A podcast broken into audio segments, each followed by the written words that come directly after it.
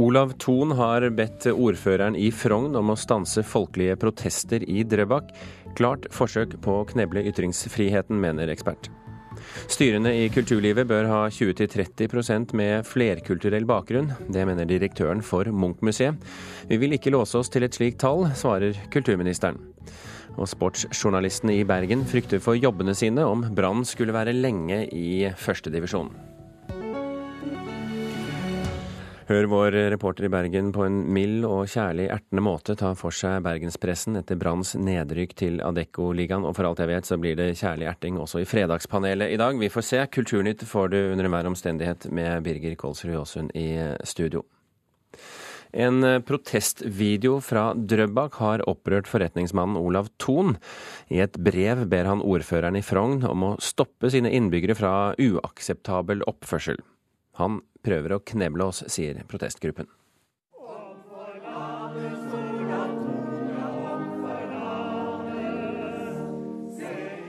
Dette er lyden av musikkvideoen som ikke hører hjemme i et demokratisk samfunn, ifølge Olav Thon. Det er en uh, liten gruppe uh, som uh, sendte en pakke. I denne pakken lå musikkvideoen som er laget av aksjonsgruppen La brygga leve. De kjemper mot Tonomen om en brygge i Drøbak. Nå føler de at Ton prøver å kneble dem. Det er vel kanskje det han forsøker, å prøve å kneble. Det er, jo, det er jo helt tydelig. Han sender et brev av den typen. Det sier Cecilie Tanderød, som er med i gruppen. Musikkvideoen ble laget som en protest mot byggeplaner Olav Thon har. Thon reagerer på at aksjonistene tar det opp med han, og ikke i kommunestyret. Og jeg synes at de burde, denne aksjonsgruppen bør holde seg til, eh, til myndighetene. Så da skal ikke de ytre seg fordi de skal ta det opp i kommunestyret i stedet for? Ja, det, ja det, vil, det, er jo det det hører hjemme. Olav Thon skrev et brev til ordføreren i Frogn kommune og ba kommunen om å stoppe aksjonistene. Hvis han har bedt ordføreren om å stanse aksjonistene fra å fremme sine ytringer på denne måten, så vil jo det være et forsøk på knebling. Sier jurist og ekspert på ytringsfrihet Anine Skjærulf. Saken om Bryggen har holdt på lenge i Drøbak, og Thon mener det burde vært gjort noe før, og da gjennom politiske organer. Man må holde seg til å la, eh, la kommunestyret eh, avgjøre det valgt eh, for å styre med kommunens eh, saker.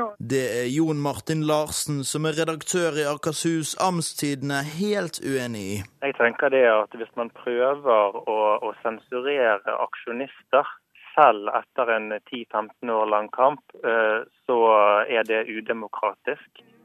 Og, og det er et hån mot ytringsfriheten.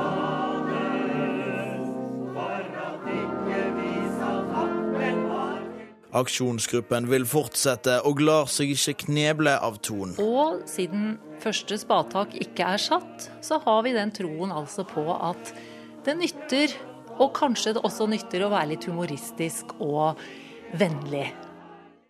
Det sa Cecilie Tandere, og det var Akershus Amtstidene, avisen altså, som først omtalte denne saken. Og videoen 'La brygga leve' den finner du på YouTube om du er nysgjerrig. Reporter her, det var Adrian Nyhammer Olsen. Mediehuset Skipsted og Telenor samarbeider om en ny motetjeneste på nett. Telenor lanserte tjenesten Sobazar i oktober, og nå kjøper Skipsted halvparten, skriver Dagens Næringsliv i dag. Sobazar er en kombinasjon av et sosialt nettverk og en nettbutikk, først og fremst ment for mobiltelefonen. Og nettstedet Min Mote på VG Nett linker til Sobazar, og nå vil Presseforbundets generalsekretær Kjersti Løken Stavrum altså klage VG inn for pressens faglige utvalg. Fra noe helt nytt til noe skikkelig gammelt. En 23 000 år gammel kalksteinsfigur har blitt oppdaget i Amiens i Frankrike, og det forskere omtaler som et eksepsjonelt funn. Figuren forestiller en frodig kvinne med store bryster og fyldig rumpe, og det beviser ifølge forskere at figuren har blitt brukt som et symbolsk bilde på kvinnelig fruktbarhet. Det er et halvt århundre siden sist gang det ble gjort et lignende funn fra tidlig steinalder.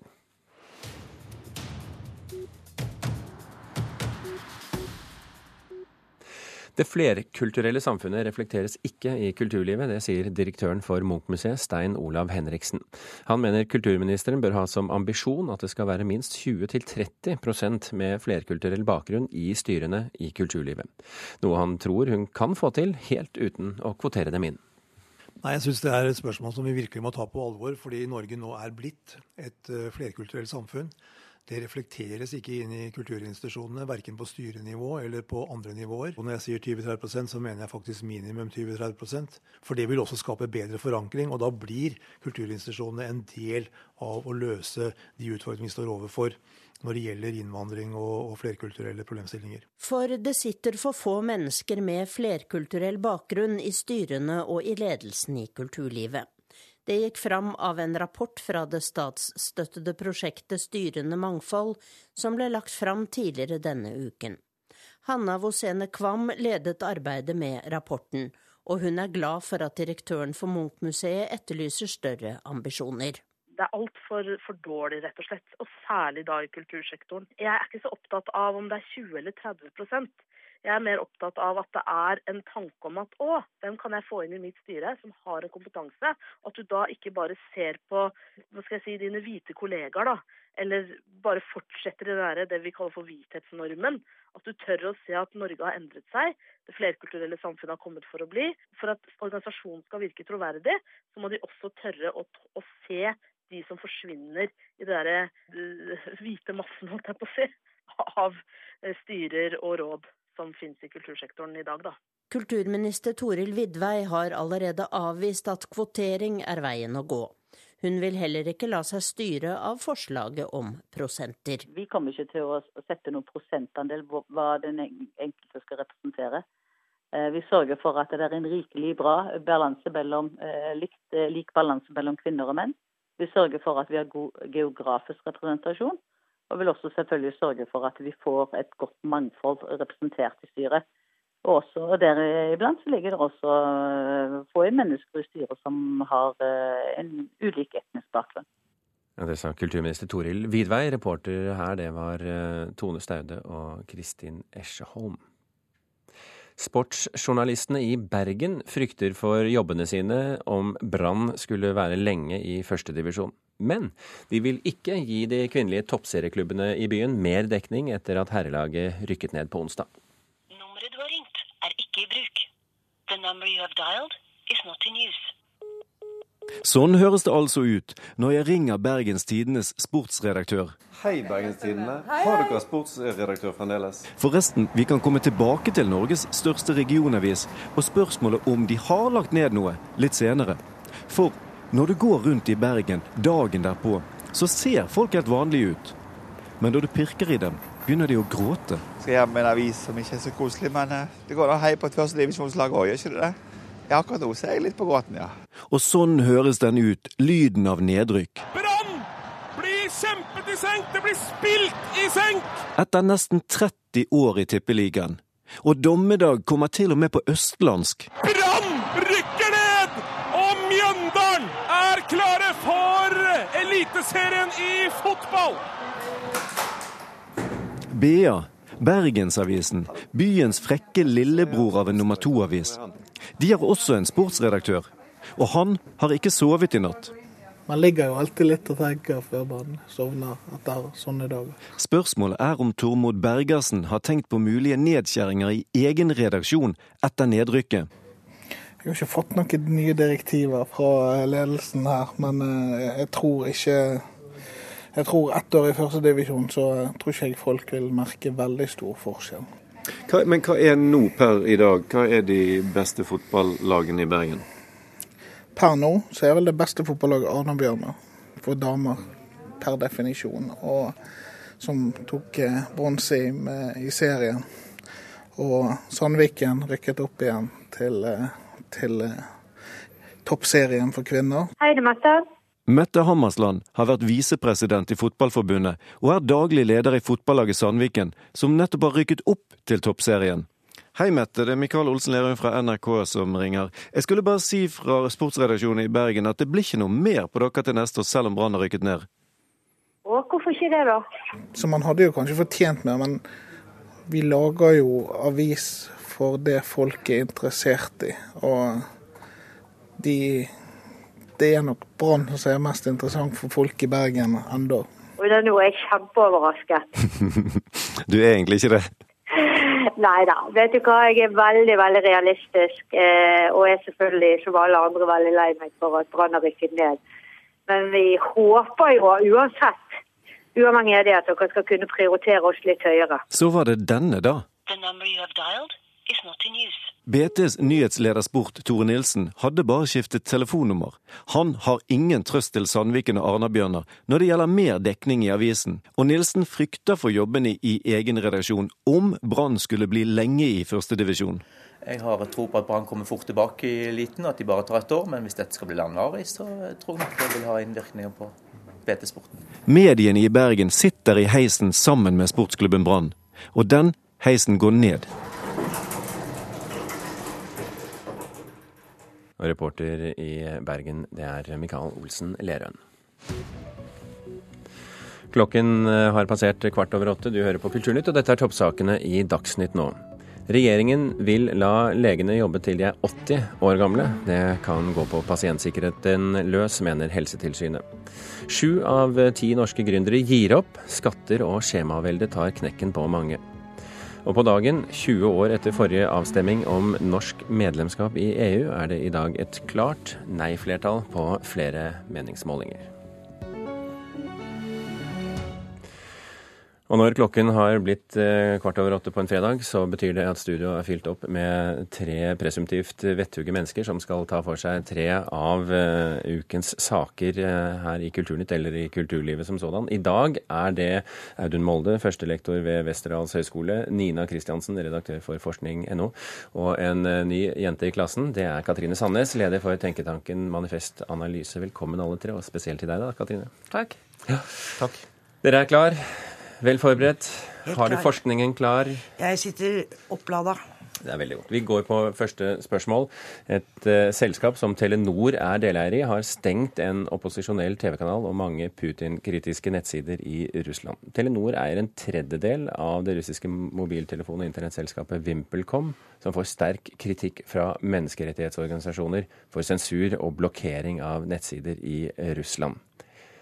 Bryting av menneskerettighetene, mener Helsingforskomiteen. Spørsmålet vårt er skal staten selge seg ut av Telenor fordi selskapet er med på å bryte menneskerettighetene i Russland? Nei, men jeg mener jo Det er et ja eller nei-spørsmål. Unnskyld. det er Ja eller nei. Eh, Skal de selge seg ut? Nei, selvfølgelig ikke. Nei.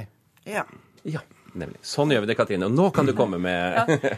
Nei, men Problemstillingen er jo snudd, er snudd helt på hodet. Det er, det er noen, eh, noen eh, virksomheter som er klart best at er statlige.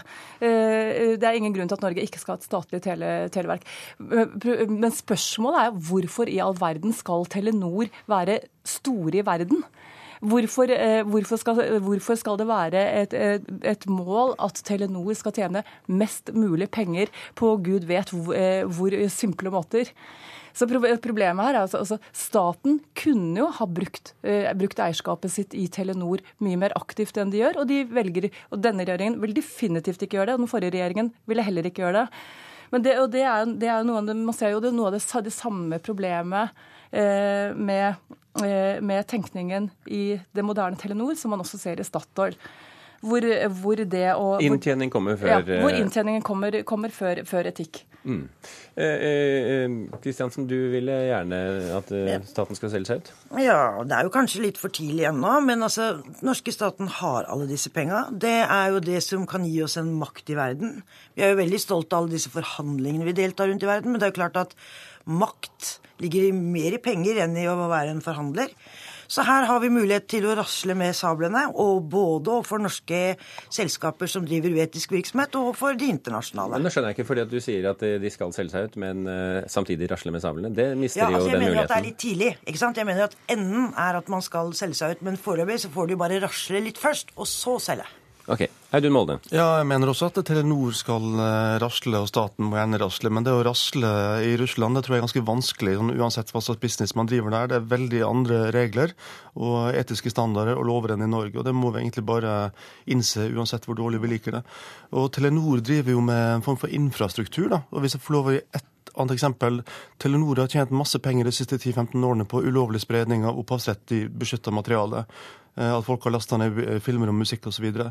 så skal da staten selge seg ut av Telenor fordi at Telenor eh, bidrar til at folk bryter åndsverkloven. sant? Det er en viss forskjell, da. Ja, nei, det er det. Men hvis du skal begynne på en måte å si at vi skal selge oss ut fordi at infrastrukturen fører til ulovlige ting, så kan du trekke det veldig, veldig langt. Hva om det hadde vært barnehandel. Altså, eller, eller, eller, eller barnearbeid? Ja, ja, da hadde jo, da hadde, ikke sant? Hvor er det grensa går i forhold til brudd på menneskerettighetene? Men, men jeg er helt uenig, altså jeg er helt uenig med, med deg. For med, altså, ved at staten, staten i, så har man jo faktisk en mulighet til å legge, legge, eh, legge press på virksomheten til å faktisk trekke seg ut av jeg, jeg, tror, jeg tror ingen av oss mener at det er riktig å være inne i den typen virksomhet. Men på ingen Enten, enten det er barnearbeid eller brudd på opp- Men- men- men er det ikke sånn. Sandnes, Men, men poenget, poenget er jo at eh, er, vi har muligheten til å ha et politisk eh, redskap som vi ikke bruker. Og det er et politisk valg å ikke bruke det. Hvis staten selger seg ut, så har vi ikke det engang.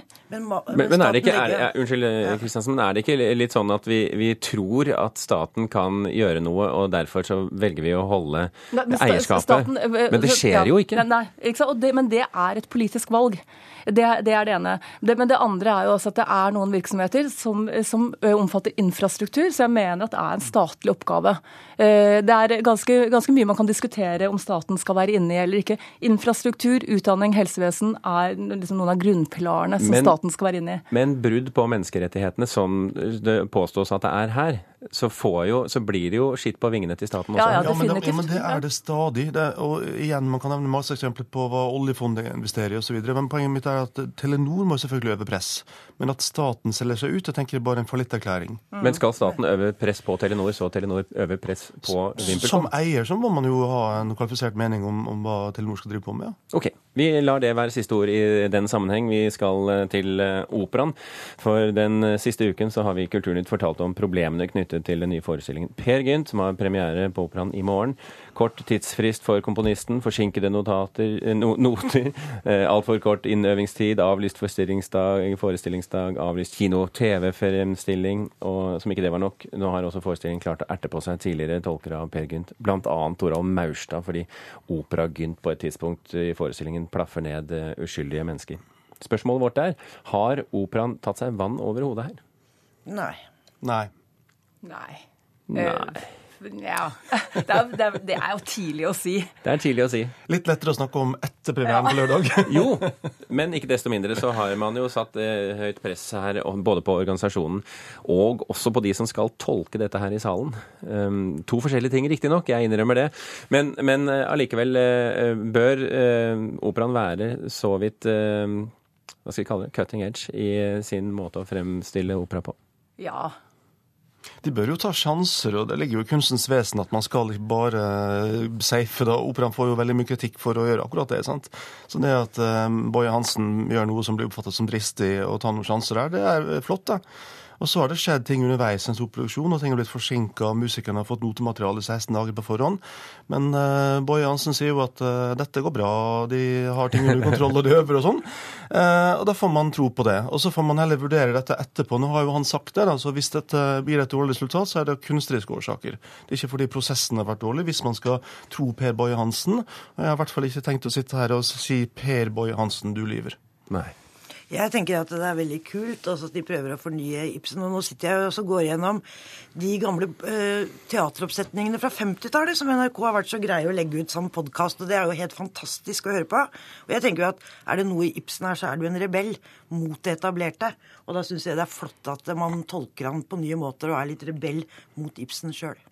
Syns du også det er en god idé, Sandnes? Ja, jeg, jeg, jeg er veldig spent på å, se, på å se denne oppsettingen. Og jeg tenker jo også helt klart det er, eh, altså På Ibsenfestivalen for noen år siden så så jeg elleve utgaver av Et dukkehjem. Eh, og det var veldig Du så alle elleve? Ja, det var, og det var, det var fantastisk.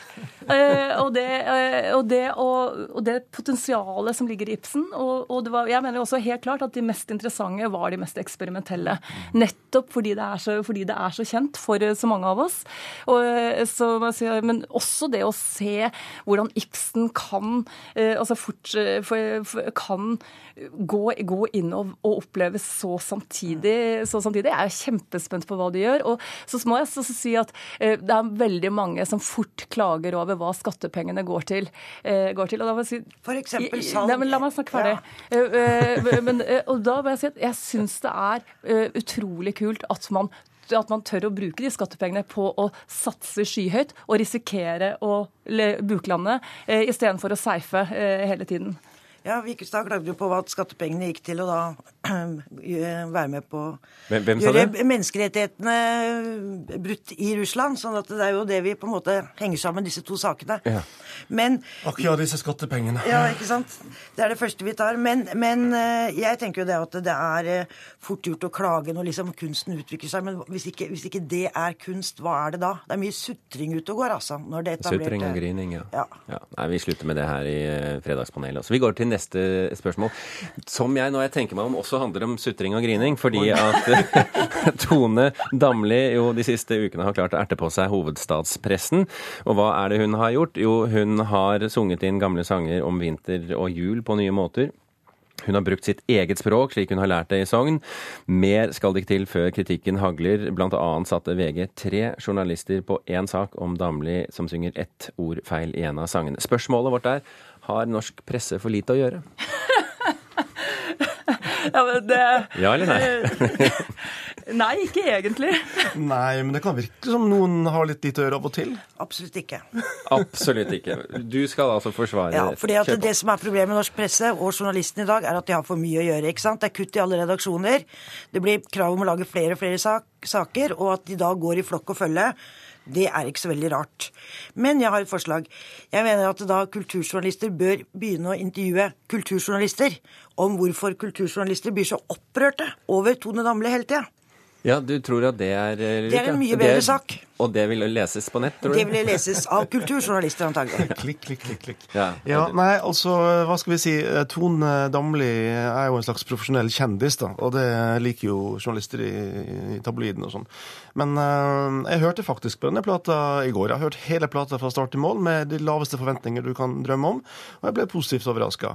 Altså, Tone Damli er jo en sanger med sterke begrensninger, sånn dynamisk og i register og uttrykksregister og fraseringsmessig og teknisk og sånn. Eh, det som trekker plata veldig opp, syns jeg, er at hun faktisk synger på sin egen dialekt. Sånn som også Admiral P gjør, og mange andre norske artister. Eh, og når jeg hører på den plata, så virker det som en plate som faktisk betyr noe for henne å synge. At hun gjør noe som, som engasjerer henne. Og det syns jeg er det store pluss med en plate, At hun har gjort de sangene i sin egen versjon. Så hun er på full fart mot uh, Kirkelig kulturverksted. Men hva syns du, Katrine, om, om, det at hun som menneske, eh, og for så vidt også som artist, engasjerer så mye, hvis Audun har rett i sin beskrivelse av henne som artist? Nei, Det er helt uforståelig for meg både at man er interessert i å, i å eh, lese om henne som, eh, som, en slags metakjendis, en som er kjent for å være kjent, mm. eh, og at man klarer å hisse seg opp over at hun ut, utgir en juleplate. Eh, og det er jeg helt, helt, enig, helt, enig, Jeg har jo ikke Jeg hører jo ikke på musikk. Hvis jeg først skal høre på musikk, så har jeg jo i hvert fall ikke hørt på denne. Men, men at man klarer, klarer å hisse seg ja, at, man, at, man, at man klarer å hisse seg opp over at man synger på dialekt er jo altså det, si, det, jeg, det, holdt vi på med på 60-70-tallet. Var vi ikke ferdig med det? Synger på dialekt er jo det som er problemet. Ja, er, ja, hvorfor, hvor, Sett deg inn i hodet til eh, en kritiker nå. Hvorfor er det problemet? Nei, altså Det er jo fordi at du, hun er liksom pop på den ene sida og dialekt på den andre sida. Liksom glam møter det urnorske, på en måte. Det kan jo være fordi at kritikeren selv glemmer at han snakker Bjølsen-dialekt eller Mortensrud-dialekt eller Røa-dialekt. Altså alle snakker jo dialekt i dette landet. Jeg skjønner ikke problemet i det hele tatt. Men, men, det, men, det, kulturjournalister også bør gjøre, da er å lese den fantastiske boka 'Kritisk eh, kulturjournalistikk'. fordi det er jo det som mangler. At man ikke har noe journalistikk å drive med, men bare sånn type kjendisstoff. da. Ja. Så det rett og slett uh, utdanne seg og Ja. Det er kommet en super bok om kritisk kulturjournalistikk som burde vært obligatorisk for alle, som er av Trygve Aas Olsen, som nettopp peker på dette her at Tror du det blir mindre damlig hvis folk begynner å lese den boka? Hvis de journalister begynner å stille kritiske spørsmål, så Ja, ja. jeg, tror det, jeg tror det handler om to helt forskjellige ting. Fordi, fordi jeg, jeg tror det, Der du begynte, det er jeg helt enig i, at dette vitner jo først og fremst om tidspress. Man, man lager de enkle sakene, de billige sakene. De, eh, eh, altså Den kritiske kulturjournalistikken forutsetter jo nettopp, er nettopp ekstremt tidkrevende. Og Apropos tidkrevende, Katrine. Vi er nødt til å stoppe eh, fordi at denne fredagspanelet har vært tidkrevende. Tiden vår er slutt. Eh, Katrine Sandnes, Audun Molde og Nina Kristiansen, takk for at dere var Fredagspanelet. Hanne Lunås, eh, Lars Ivar Nordahl og Birger Kåls Råsund har hatt denne kulturinnsendingen, og vi nå ordet videre til Nyhetsmorgen. Hør flere podkaster på nrk.no podkast.